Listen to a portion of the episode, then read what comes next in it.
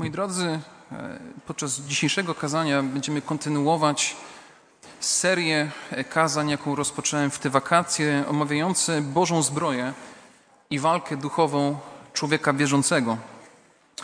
Dzisiaj będziemy omawiali kolejny aspekt tej zbroi, jakim jest pancerz sprawiedliwości. Chyba każdy z nas doskonale wie, e, czym jest pancerz, co chroni. Chroni przód, chroni najważniejsze elementy ciała, to co, nas, co to jest w środku. Ktoś kiedyś stwierdził, że okrywał ciało od szyi do ud i jest znany jako ochraniacz serca. Czyli pancerz, to co jest z przodu, chroni nasze serce, chroni to, kim jesteśmy. Współcześnie również mamy wojsko i policję, którzy korzystają z podobnych elementów jak dawne starożytne wojska.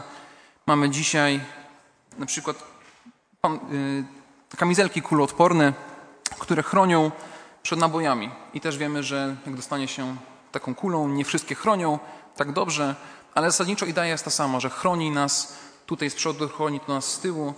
I wiemy, że po różnych misjach zagranicznych wojsk po prostu jeżeli ktoś dostanie, to jego życie może być uratowane. I w ostatnich misjach na, na Bliskim Wschodzie to często było też używane.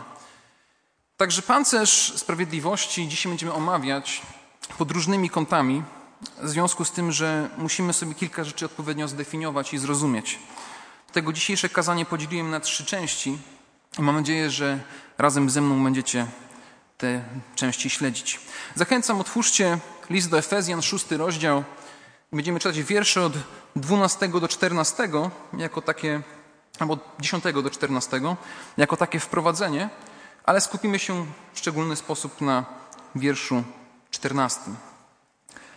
List apostoła Pawła do Efezjan od 10 wiersza do 14, rozdział 6.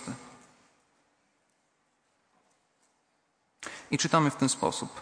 W końcu, bracia moi, Umacniajcie się w Panu i w potężnej mocy Jego. Przywdziejcie całą zbroję Bożą, abyście mogli ostać się przed zasadzkami diabelskimi. Gdyż bój toczymy nie z krwią i z ciałem, lecz z nadziemskimi władcami, ze zwierzchnościami i z władzami tego świata ciemności, ze złymi duchami w okręgach niebieskich. Dlatego weźcie całą zbroję Bożą, abyście mogli stawić opór w dniu złym – i dokonawszy wszystkiego, mogli się ostać. Stójcie tedy, opasawszy biodra swoje prawdą i przywdziawszy pancerz sprawiedliwości. Panie Boże, tak Cię prosimy teraz o to, żebyś otwierał nasze serca. Panie, przymieni nasze umysły, przymieni nasze myśli, nasze zachowania. Panie, zachęcaj nas poprzez swoje słowo i przymieniaj Panie, tak Cię proszę o to, żebyś pomógł mi to wyłożyć w sposób zrozumiały. O to Cię, Panie, proszę w imieniu Jezusa Chrystusa. Amen. Mamy tutaj aspekt pan, założenia pancerza sprawiedliwości. I zasadniczym pytaniem, które powinniśmy sobie zadać w, w tej sytuacji, to o jaką sprawiedliwość tutaj chodzi. Ponieważ w Nowym Testamencie możemy znaleźć co najmniej dwa albo chociażby dwa rodzaje sprawiedliwości, które się pojawiają. Pierwszą sprawiedliwością jest taka sprawiedliwość, która jest nam dana odgórnie przez Chrystusa, albo przez to, że uwierzyliśmy Chrystusowi, przypisana zostaje nam sprawiedliwość Chrystusa. Jednak właśnie nie o tą sprawiedliwość tutaj chodzi. Chodzi o sprawiedliwość taką wyżytą, sprawiedliwość, którą możemy codziennie w naszym życiu praktykować. I dlaczego o tym to za chwilę? Ale to jest niezwykle istotne, żeby na jednej rzeczy się teraz skupić, zanim przejdziemy dalej. Ponieważ skoro będziemy mówić o tym, co mamy czynić, to musimy sobie wytłumaczyć, że to, co czynimy, nie jest tym, co nam daje zbawienie. To jest raczej efekt naszej nowej natury, naszego nowego życia, jakie mamy w Chrystusie. To jest owoc tego, że mamy nowe życie. To jest coś, co dopiero możemy czynić po tym, jak poznamy Chrystusa. W liście do Efezjan, czwarty rozdział, wiersz 20 do 24 jest napisane tak. Ale wy nie tak nauczyliście się Chrystusa. Jeśliście tylko słyszeli o Nim i w Nim pouczeni zostali, gdyż prawda jest w Jezusie. Zewleczcie siebie starego człowieka wraz z jego poprzednim postępowaniem, którego gubią zwodnicze żądze, i odnówcie się w duchu umysłu waszego, a obleczcie się w nowego człowieka, który jest stworzony według Boga w sprawiedliwości i świętości prawdy.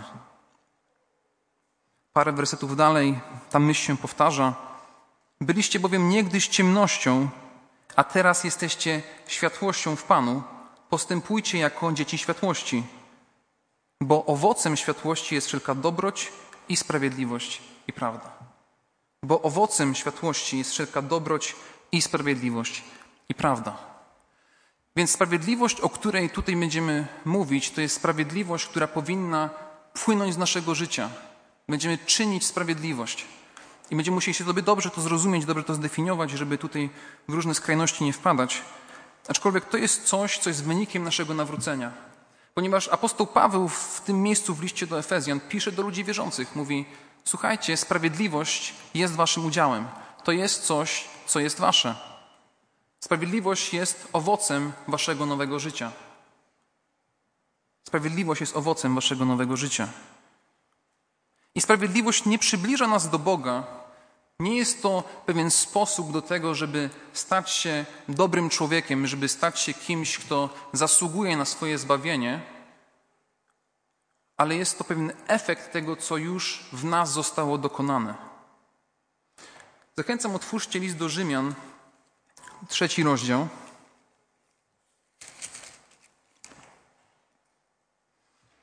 Będziemy czytać od wiersza od 21 do 27, 28 nawet. Jest napisane tak. Ale teraz, niezależnie od zakonu, objawiona została sprawiedliwość Boża, o której świadczą zakon i prorocy. I to sprawiedliwość Boża przez wiarę w Jezusa Chrystusa dla wszystkich wierzących. Nie ma bowiem różnicy.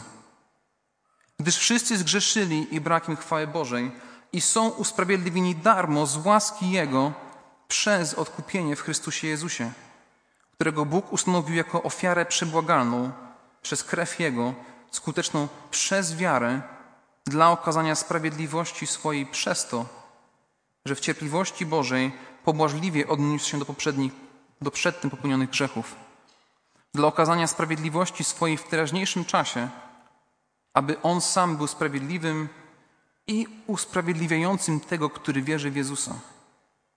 Gdzież więc chluba Twoja wykluczona? Przez jaki zakon uczynków? Bynajmniej, lecz przez zakon wiary. Uważamy bowiem, że człowiek bywa usprawiedliwiony przez wiarę, niezależnie od uczynków zakonu. Więc tutaj mamy wyłożone dokładnie to, o czym chwilę temu powiedziałem. Jesteśmy usprawiedliwieni przez wiarę, więc jesteśmy w Bożych oczach sprawiedliwi, jesteśmy otoczeni sprawiedliwością Chrystusa. Można to zobrazować w taki sposób, że mamy brudną szatę na sobie, taką najbrudniejszą, jaką możemy sobie wyobrazić, może poplamioną smołą, jakąś benzyną i nie możemy tej szaty zdjąć. I mamy tą szatę ciągle założoną, się przylepiła jakoś do naszego ciała. Nawet poszliśmy do krawca, ale ten krawiec próbował nożyczkami to odciąć i się okazało, że ta smoła zlepiła mu nożyczki i nic z naszych własnych uczynków nie byliśmy w stanie uczynić, żeby ta brudna koszula, brudna naszego grzechu została z nas zdjęta. Ale kiedy zaufaliśmy Chrystusowi, to się okazuje, że czysta, biała szata zostaje na nas nałożona. I Bóg już nie patrzy na to, co jest pod tą szatą, tylko patrzy na to, do kogo należymy. Patrzy na białą szatę Chrystusa, która jest na nas. Ona staje nam przypisana. Więc przez wiarę jesteśmy sprawiedliwi w Bożych oczach. Jesteśmy święci w Bożych oczach ale to również nie wyklucza tego, że mamy pewną odpowiedzialność przed Bogiem, żeby troszczyć się o swoją sprawiedliwość i troszczyć się o własną pobożność, o własne uświęcenie. I tu jest cały taki, byśmy powiedzieć, taka tajemnica. Tego, że z jednej strony już jesteśmy usprawiedliwieni, ale z drugiej strony Bóg chce, żebyśmy pewne rzeczy czynili i za pewne rzeczy jesteśmy odpowiedzialni, jeżeli chodzi o naszą wiarę. Więc jesteśmy usprawiedliwieni z naszej wiary, ale to nie zrzuca z nas odpowiedzialności wobec pewnych rzeczy, które powinniśmy czynić w naszym życiu. I to często jest kwestia albo zrozumiana źle, albo w jedną stronę, albo w drugą. Niektórzy mówią, dobrze, czy to znaczy, że teraz mogę robić, co mi się podoba? Czy moje życie teraz pozwala na to, żebym robił tylko, co mi się żywnie podoba, skoro jestem zbawiony z łaski? Jest taka grupa ludzi. Potem jest ta druga grupa, która mówi, a widzicie, wiara bez, bez uczynków jest bezskuteczna. List Jakuba o tym jasno mówi. Więc e, no tutaj, bracie, nie można się zgodzić do końca. Jak to tylko z wiary, jak to tylko łaska. A jednak Bóg jasno pokazuje, że jesteśmy zbawieni z łaski przez wiarę, ale są pewne rzeczy w naszym życiu, za które jesteśmy odpowiedzialni równocześnie. I wtedy rozumiemy list Jakuba w taki sposób, że faktycznie, jeżeli nie widać tych rzeczy w naszym życiu, to czy nasze życie faktycznie było dane Chrystusowi? Pewne aspekty prawdziwej, żywej wiary, byśmy powiedzieli, muszą być widoczne w życiu człowieka, który jest uświęcony i usprawiedliwiony krwią Chrystusa. Więc sprawiedliwość, o której tutaj będziemy mówić, to nie jest sprawiedliwość, która nas przybliża do Chrystusa, tylko to jest sprawiedliwość, która jest wynikiem tego, co Chrystus już w naszym życiu uczynił. Bo owocem światłości jest wszelka dobroć i sprawiedliwość i prawda. To jest pewien owoc tego, co zostało w nas dokonane. Nie jesteśmy już dziećmi ciemności, jesteśmy dziećmi światłości, a w związku z tym pewne rzeczy powinny iść za tym w naszym życiu. Punkt drugi kazania dotyczy tego, że nasza sprawiedliwość ma być odbiciem sprawiedliwości Boga. Ma być odbiciem sprawiedliwości Boga.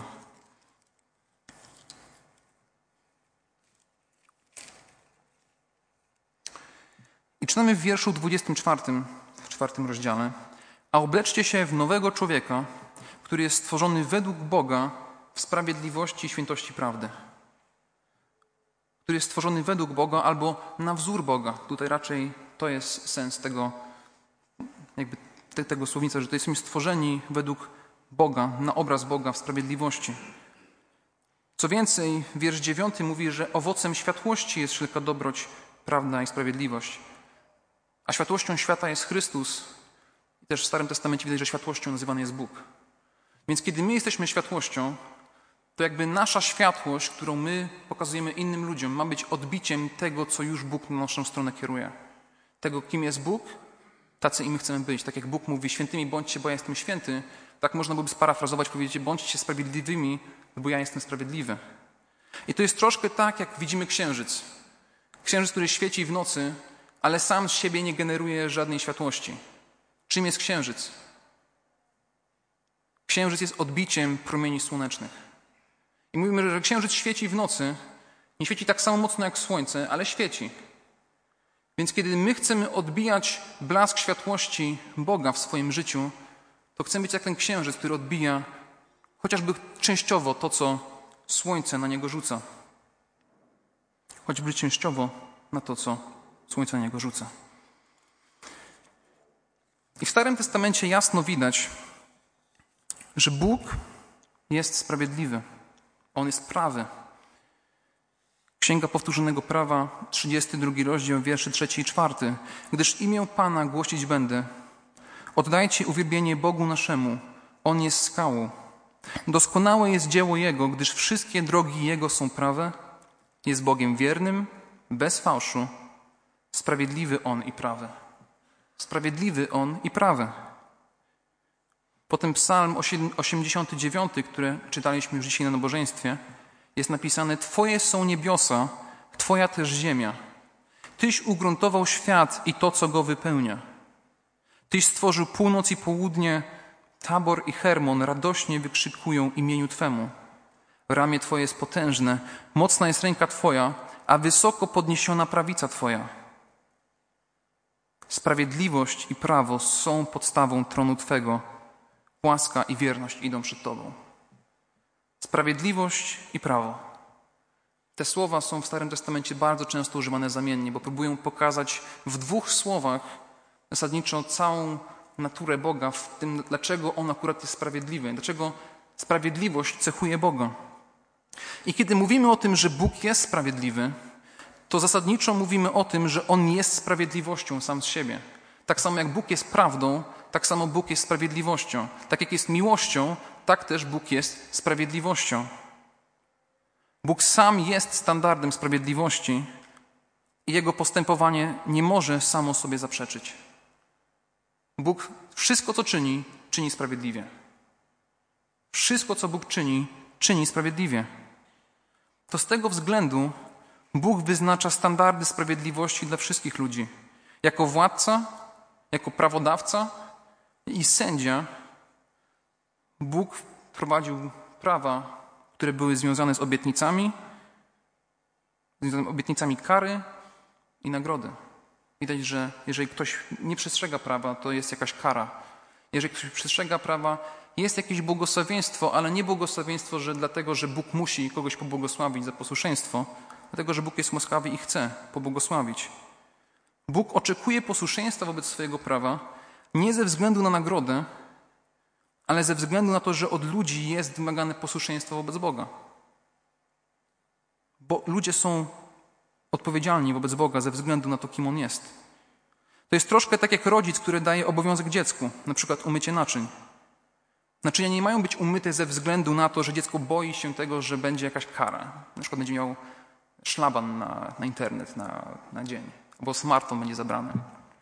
Również nie powinno być motywacją to, że oczekuje nagrody, że umyje naczynia i dostanie 5 zł na lody. Raczej dziecko powinno posłuchać rodzica, dlatego że rodzic je o to prosi i tego od niego wymaga. To jest pewien obowiązek. I lepiej jest wykonywać obowiązki z miłości, prawda? Jak miłujemy rodziców, chcemy, nie chcemy sprawiać im smutku, to chcemy w miłości iść za nimi i czynić to, co oni nam każą. I tak samo powinna być reakcja ludzi wierzących wobec tego, co Bóg nakazuje. Mamy czynić to, co jest w prawie napisane, ale z miłości. I zaraz, jak zobaczymy, dlaczego te kwestie sprawiedliwości, które są ukazane w Starym Testamencie, jak wiele z nich może być wypełnionych w miłości i z myślą o drugim człowieku i z myślą o Bogu. Bóg jest sprawiedliwy i każdy człowiek tak samo podlega pod Jego prawo. Tak samo podlega pod Jego prawo. Czy jesteś wysoki, czy niski, chudy, czy gruby, stary, czy młody, czy jesteś kobietą, czy jesteś mężczyzną, nie ma znaczenia. Każdy człowiek tak samo podlega pod Boże prawo. I równocześnie widzimy, że żaden człowiek nie jest w stanie spełnić tego prawa, więc Bóg posyła swojego Syna Jezusa Chrystusa, który spełnia prawo, umiera za ludzkie grzechy na krzyżu i potem zmartwychwstaje, żeby każdy, kto w Niego uwierzył, ponownie każdy, kto w Niego uwierzył, miał życie wieczne. Każdy ma zapewnione życie wieczne, jeżeli zaufa Chrystusowi. Każdy tak samo podlega pod łaskę, jeżeli zaufa Chrystusowi. Więc Bóg jest sprawiedliwy i okazuje sprawiedliwość ze względu na to, że On po prostu jest sprawiedliwy. To jest, wydaje się, taki błąd logiczny. Ale z drugiej strony, kiedy mówimy o tym, że Bóg jest miłością, to już, to już nam łatwiej przyjąć. To już tak, no Bóg jest miłością, to tak ale Bóg również jest sprawiedliwością i są pewne standardy, które On oczekuje od swoich ludzi i ogólnie od wszystkich ludzi. I teraz my, jako ludzie, mamy w jakiś sposób temu sprostać, w jakiś sposób na tym nadążać. Trzeci punkt kazania to jest, jak przywdziewać ten pancerz sprawiedliwości. Skoro mamy odbijać to światłość Boga, skoro mamy odbijać to, co Bóg w naszym życiu czyni, to, kim Bóg jest, Jego postępowanie względem wszystkich ludzi, to jak to w praktyce wygląda i co to oznacza? Gary Brishers, to jest profesor w Western Seminary, wyjaśnił, że słowo, które oznacza sprawiedliwość, cedek, oznacza życie, w którym wszystkie relacje ludzko-ludzkie, ludzko-boże i na linii ludzi i stworzenia są właściwie uporządkowane i działają w harmonii. Wszystko jest w harmonii, kiedy podlega pod sprawiedliwość. Stąd też jeden z autorów zwrócił uwagę, że sprawiedliwość jest podobna do ogromnego pokoju i harmonii wynikających z relacji uporządkowanych w zgodzie z Bożym standardem. Jeżeli nasze relacje są uporządkowane zgodnie z tym, jak to Bóg nam zapowie, to naprawdę życie staje się inne. Ludzie żyją inną jakością życia. I to nie musi być życie już w niebie, to nie musi być życie wieczne, na które czekamy, po prostu się zmienia życie i środowisko dookoła nas. O tym tu jest mowa. O tym, żeby praktycznie stosować tą sprawiedliwość. W księdze przypowieści Salomona albo w księdze przysłów, księdze mądrościowej, zwrócenie jest uwagi na to, że wykonywanie sprawiedliwości i wykonywanie prawa milsze jest Panu niż krwawa ofiara. Wykonywanie sprawiedliwości i prawa milsze jest Panu niż krwawa ofiara. Jeżeli żyjemy sprawiedliwie, jeżeli postępujemy sprawiedliwie, jeżeli żyjemy zgodnie z prawem, to się okazuje, że to jest dla Boga cenniejsze niż jakakolwiek religijność, z jaką możemy się spotkać. I oczywiście to się może stać religijnością. Wykonywanie prawa i czynienie sprawiedliwości to się może stać dla nas nową religią. Aczkolwiek dla Boga aspekt naszej pobożności i tego, że chcemy żyć w zgodzie z tym, jak On to zaplanował, jest ważniejsze niż jakieś religijne rytuały, niż krwawa ofiara. Bóg chce posłuszeństwa i daje nam możliwość, żeby być posłusznymi. Więc zastanówmy się nad tym, czym jest ta sprawiedliwość, o której tutaj, o której teraz mówimy. Zachęcam, otwórzcie proszę Księgę Wyjścia, rozdział 23, wiersze od pierwszego do dziewiątego. Księga Wyjścia, to jest druga Księga Mojżeszowa, 23 rozdział,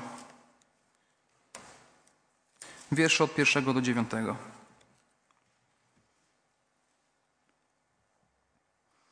Jest napisane tak. Nie rozgłaszaj fałszywej wieści. Nie wspomagaj winowajcy, świadcząc na korzyść bezprawia. Nie przyłączaj się do większości ku złemu i nie składaj w spornej sprawie świadectwa za większością, by łamać prawo. Nawet ubogiego nie popieraj w niesłusznej sprawie. Jeżeli napotkasz zabłąkanego wołu albo osła twojego nieprzyjaciela, odprowadź go zaraz z powrotem do niego. Jeżeli zobaczysz, że osioł twego przeciwnika upadł pod ciężarem, nie opuszczaj go, lecz dopomóż mu go podnieść. Nie wpływaj na wyrok, jeśli należy ubogiemu, który zwraca się do, do ciebie w swojej sprawie. Od sprawy, która się opiera na oszustwie stroń, do zabicia niewinnego i sprawiedliwego nie przyczyniaj się, bo nie uniewinnie winowajcy.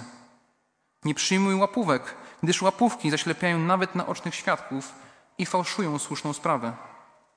Przychodnia nie uciskaj, sami bowiem wiecie, jak się czuje przychodzeń, wszak byliście przychodniami w ziemi egipskiej. Przychodnie nie uciskaj, sami bowiem wiecie, jak się czuje przychodzeń, byliście bowiem przychodniami w ziemi egipskiej. I czytając te słowa, można w zasadzie powiedzieć, że poprzeczka nie jest zbyt wysoko postawiona, patrząc na współczesne czasy. Co to znaczy nie brać łapówki? Co to znaczy nie kłamać w sprawie sądowej, nie wpływać na jakieś wyroki? Praktycznie sprawiedliwość oznacza przestrzeganie zasad prawa, wykazywanie się bezstronnością, płacenie tego, co się obiecało, brak kradzieży, brak oszustwa, niebranie łapówek, niewykorzystywanie słabszych, ponieważ są zbyt nieświadomi lub powiązani, lub powiązani, by cię powstrzymać. To powiedział pastor Kevin DeYoung. Przestrzeganie zasad prawa, wykazywanie się bezstronnością, płacenie tego, co się obiecało, nie kradzież, nie oszustwo, nie branie łapówek i nie wykorzystywanie słabych, ponieważ są zbyt nieświadomi i powiązani, by cię powstrzymać. Wykazywanie się bezstronnością na przykład. To znaczy, że oceniam sytuację taką, jaką jest. Nie dlatego, że lubię kogoś, więc będę mu przychylny. Nie dlatego, że ktoś mi zapłacił, to będę mu przychylny. Tylko jeżeli jest jakiś konflikt interesów, to zawsze idę, idę za tym, co jest właściwe. Bez względu na, na koszty. Brak brania łapówki chyba mówi się samo za siebie. To też zawsze w jakiś sposób wpływa na nasze morale, naszą moralność. Brak kradzieży, brak oszustwa. I teraz pytanie, w jaki sposób tej miłość się pojawia? Bo jeżeli prawdziwie kocham mojego bliźniego, to nie będę chciał mu zabrać to, co do mnie nie należy. Jeżeli miłuję swojego bliźniego, to będę miłował mojego bliźniego, powiem, to jest jego, ja mam swoje, nie będę mu zabierał. Jeżeli miłuję swojego bliźniego, to nie będę chciał go oszukać. Nie będę chciał go w jakiś sposób wyzyskać, skoro mogę. W współczesnym świecie wyzysk jest chyba wszędzie. Tak przynajmniej ludzie mówią. I wyzysk może być w różnych systemach politycznych. To nie musi być socjalizm, to nie musi być kapitalizm, to nie musi być praca, to może być dowolne miejsce. Ludzie potrafią wykorzystać okazję, żeby tylko coś dla siebie uchwycić. Jakiś czas temu oglądałem pewien dokument dotyczący Pragi. I tam pewien e, mężczyzna oprowadzał po Pradze i pokazywał bankomaty. I mówił: Słuchajcie, jeżeli przyjeżdżacie do Pragi, to uważajcie, żeby nie wyciągać pieniędzy z bankomatów. I tłumaczył, jak wszystkie bankomaty w Pradze, których jest bardzo dużo, wszystkie bankomaty są w taki sposób ułożone, że jeżeli nie masz karty, która jest w danej walucie lokalnej, czyli w koronie, to automatycznie pojawia się jakiś program jeżeli źle naciśniesz przyciski, które są w języku czeskim, to automatycznie naliczają ci jakieś 20% więcej od tego, co masz wyciągnąć z bankomatu. I to jest kradzież biały dzień. Tylko dlatego, że przyjeżdża turysta i nie wie, dlaczego źle nacisnął i potem się okazuje, że więcej wyciągnął pieniędzy niż chciał. Mamy dzisiaj naprawdę trudne czasy, kiedy potrafią się wyzyskiwać i robotnicy pracodawców, i pracodawcy robotników. I rząd tutaj nas, i my rząd. I to jest takie typowo polskie, bo jeżeli system nas oszukuje, to my chcemy oszukać system. Tak to wygląda. My chcemy oszukać tych, którzy nas oszukują, i wtedy może zajdzie sprawiedliwość w świecie. Tylko nie o tym tu jest mowa, moi drodzy. Tu jest mowa o tym, że nawet jeżeli to będzie ubogi, który będzie coś niesprawiedliwego czynił, to nie mamy tego przykładać ręki. Nie mamy przykładać tego ręki. Nie rozgłaszaj fałszywej wieści, nie kłam. Nie pomagaj tym, którzy czynią bezprawie. To się wydaje naprawdę proste. I jeżeli my to będziemy czynić, jeżeli faktycznie takie będzie nasze życie, to światłość Boga będzie widoczna w naszym życiu. Światłość Boga będzie widoczna w naszym życiu, w naszym codziennym życiu. Jeżeli faktycznie będziesz dobrym pracownikiem, będziesz ufać Bogu, no to będziesz dobrym pracownikiem. Może nie dostaniesz awansu, bo ktoś cię inny oszuka, ale przecież nie o to chodzi. Przecież nie o to chodzi. Ale czasami czujemy się poszkodowani i jesteśmy poszkodowani. W Starym Testamencie mamy przykład Józefa, który był najlepszym pracownikiem. Zyskał bardzo wysoką pozycję w swoim życiu. Potem okazało się, że żona Potyfara przychodzi do niego, chce się z nim przespać. On mówi nie. Mówi nie, nie chcę ze względu na mojego pracodawcę, nie ze względu na Boga, to będzie grzech, to będzie niewłaściwe. Człowiek, który był na samym szczycie tego, co czynił. I się okazuje, że został fałszywie oskarżony, został wrzucony do więzienia tylko dlatego, że nie uczynił tego, co ktoś od niego chciał, co byłoby niesprawiedliwe wobec Boga i wobec ludzi. I musimy się zmierzyć z tym, i to kiedyś ktoś bardzo mądrze powiedział, że generalnie życie jest pełne niesprawiedliwości. Nawet jeżeli coś dobrze czynisz, coś słusznie czynisz, to możesz dostać w kość za to. Ale to nie oznacza, że jeżeli może ci się dostać za to, co robisz dobrze, to nie powinieneś czynić to, co jest dobrze. W liście do Jakuba czytamy, że jeżeli możesz dobrze czynić, a nie czynisz, to grzeszysz. Nasza sprawiedliwość nie może być związana z tym, że się boimy tego konsekwencji naszych czynów ze względu na to, co jest dobre. Mamy być odpowiedzialni wobec Boga przede wszystkim, a dopiero później wobec ludzi. I czasami szukamy innych ludzi, na których możemy zwrócić uwagę. Mówię, nie ma na świecie sprawiedliwości. To dlaczego ja mam być sprawiedliwym? Po pierwsze, jeżeli takie jest Twoje nastawienie, to jest to nic innego jak zrzucanie odpowiedzialności na kogoś innego. I to nie jest dokonanie realnej samooceny swojego własnego postępowania. Jest to raczej szukanie wymówki do tego, żeby dalej postępować tak, jak mi się podoba. Sprawiedliwość wierzącego została nazwana owocem światłości. To my mamy być tymi, którzy wprowadzają światłość do świata, który tej światłości nie ma. Nawet jeżeli będą z tym związane jakieś koszta. Co więcej, nie powinniśmy za wiele oczekiwać od świata, który nas otacza, jeżeli nie ma tam przymionych serc. Możemy oczekiwać tego od ludzi, którzy mają przemienione serca. A jeżeli są ludzie, którzy nie mają przemienionych serc i żyją w ciemności, to jeżeli czynią słusznie, to chwała Bogu. Rozpoznają jeszcze pewne standardy, pewne dobro, które istnieje. Widzimy w Nowym Testamencie, że poganie, którzy nie mieli prawa, mieli sumienie. Ale sumienie można oszukać po pewnym czasie. Jak się grzeszy w jakiś sposób przez dłuższy czas, to się stajemy bardzo zaaklimatyzowani z naszym grzechem. I on przestaje być dla nas aż taki trudny, aż taki problematyczny. Aż taki trudny, aż taki problematyczny. Moi drodzy, największą niesprawiedliwością, jaką ktokolwiek kiedyś dostał, najgorszym osądem, to to, co Józef doświadczył w Starym Testamencie, jest pewną zapowiedzią niesprawiedliwości, której doznał Chrystus.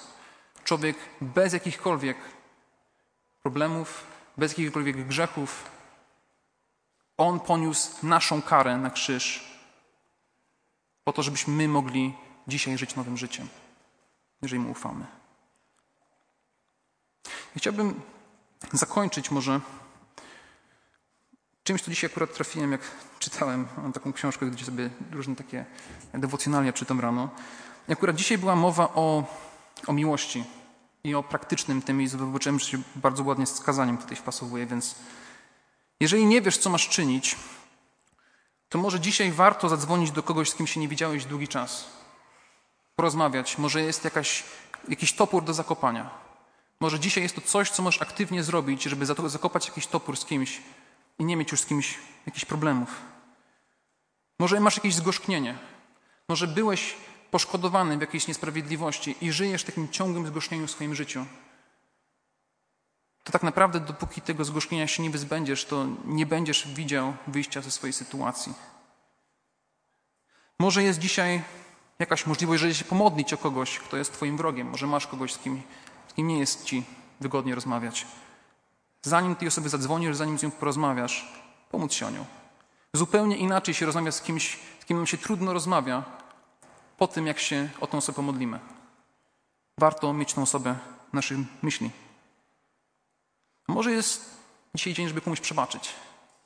Komuś, kto nas skrzywdził w jakiś sposób i nie wiemy do końca, jak ta sytuacja się rozwiąże, ale może warto dzisiaj, tak jak Chrystus przebaczył nam, żebyśmy my dzisiaj przebaczyli naszym winowajcom. Może znasz kogoś w potrzebie. Może wiesz, że ktoś jest w potrzebie, może potrzebuje czasu, może potrzebuje pieniędzy. Wiesz, że to jest szczera potrzeba, że nikt nie próbuje oszukać. To może dzisiaj jest warto czas, żeby właśnie jakąś tą sobie pobłogosławić swoimi finansami, swoim czasem. Moi drodzy, praktyczna sprawiedliwość ta, o której tutaj mówimy, jako coś, co jest znakiem naszego nowego życia, coś, co jest znakiem tego, że my faktycznie idziemy za Bogiem, idziemy za Chrystusem, powinna być widoczna. Powinna być widoczna i to ma nas chronić przed tymi atakami szatana, o których czytaliśmy na początku. Że jeżeli nie ma tego w naszym życiu, to zawsze gdzieś z tyłu głowy mogą się pojawić, a taki z ciebie chrześcijanin. No widzisz, i oczywiście naszą ochroną pierwszą jest Chrystus, że wiemy, że do Niego należymy. A równocześnie nasze sumienie będzie nas oskarżać, jeżeli nasze życie nie będzie wyglądało tak, jak potrzeba. I jest to taka bardzo, byśmy powiedzieli, kwestia delikatna. Z jednej strony nie chcemy wpaść w jedną skrajność, z drugiej strony nie chcemy wpaść w drugą skrajność. Chcemy iść za Chrystusem, ale chcemy też żyć tak, jak Jemu to się podoba.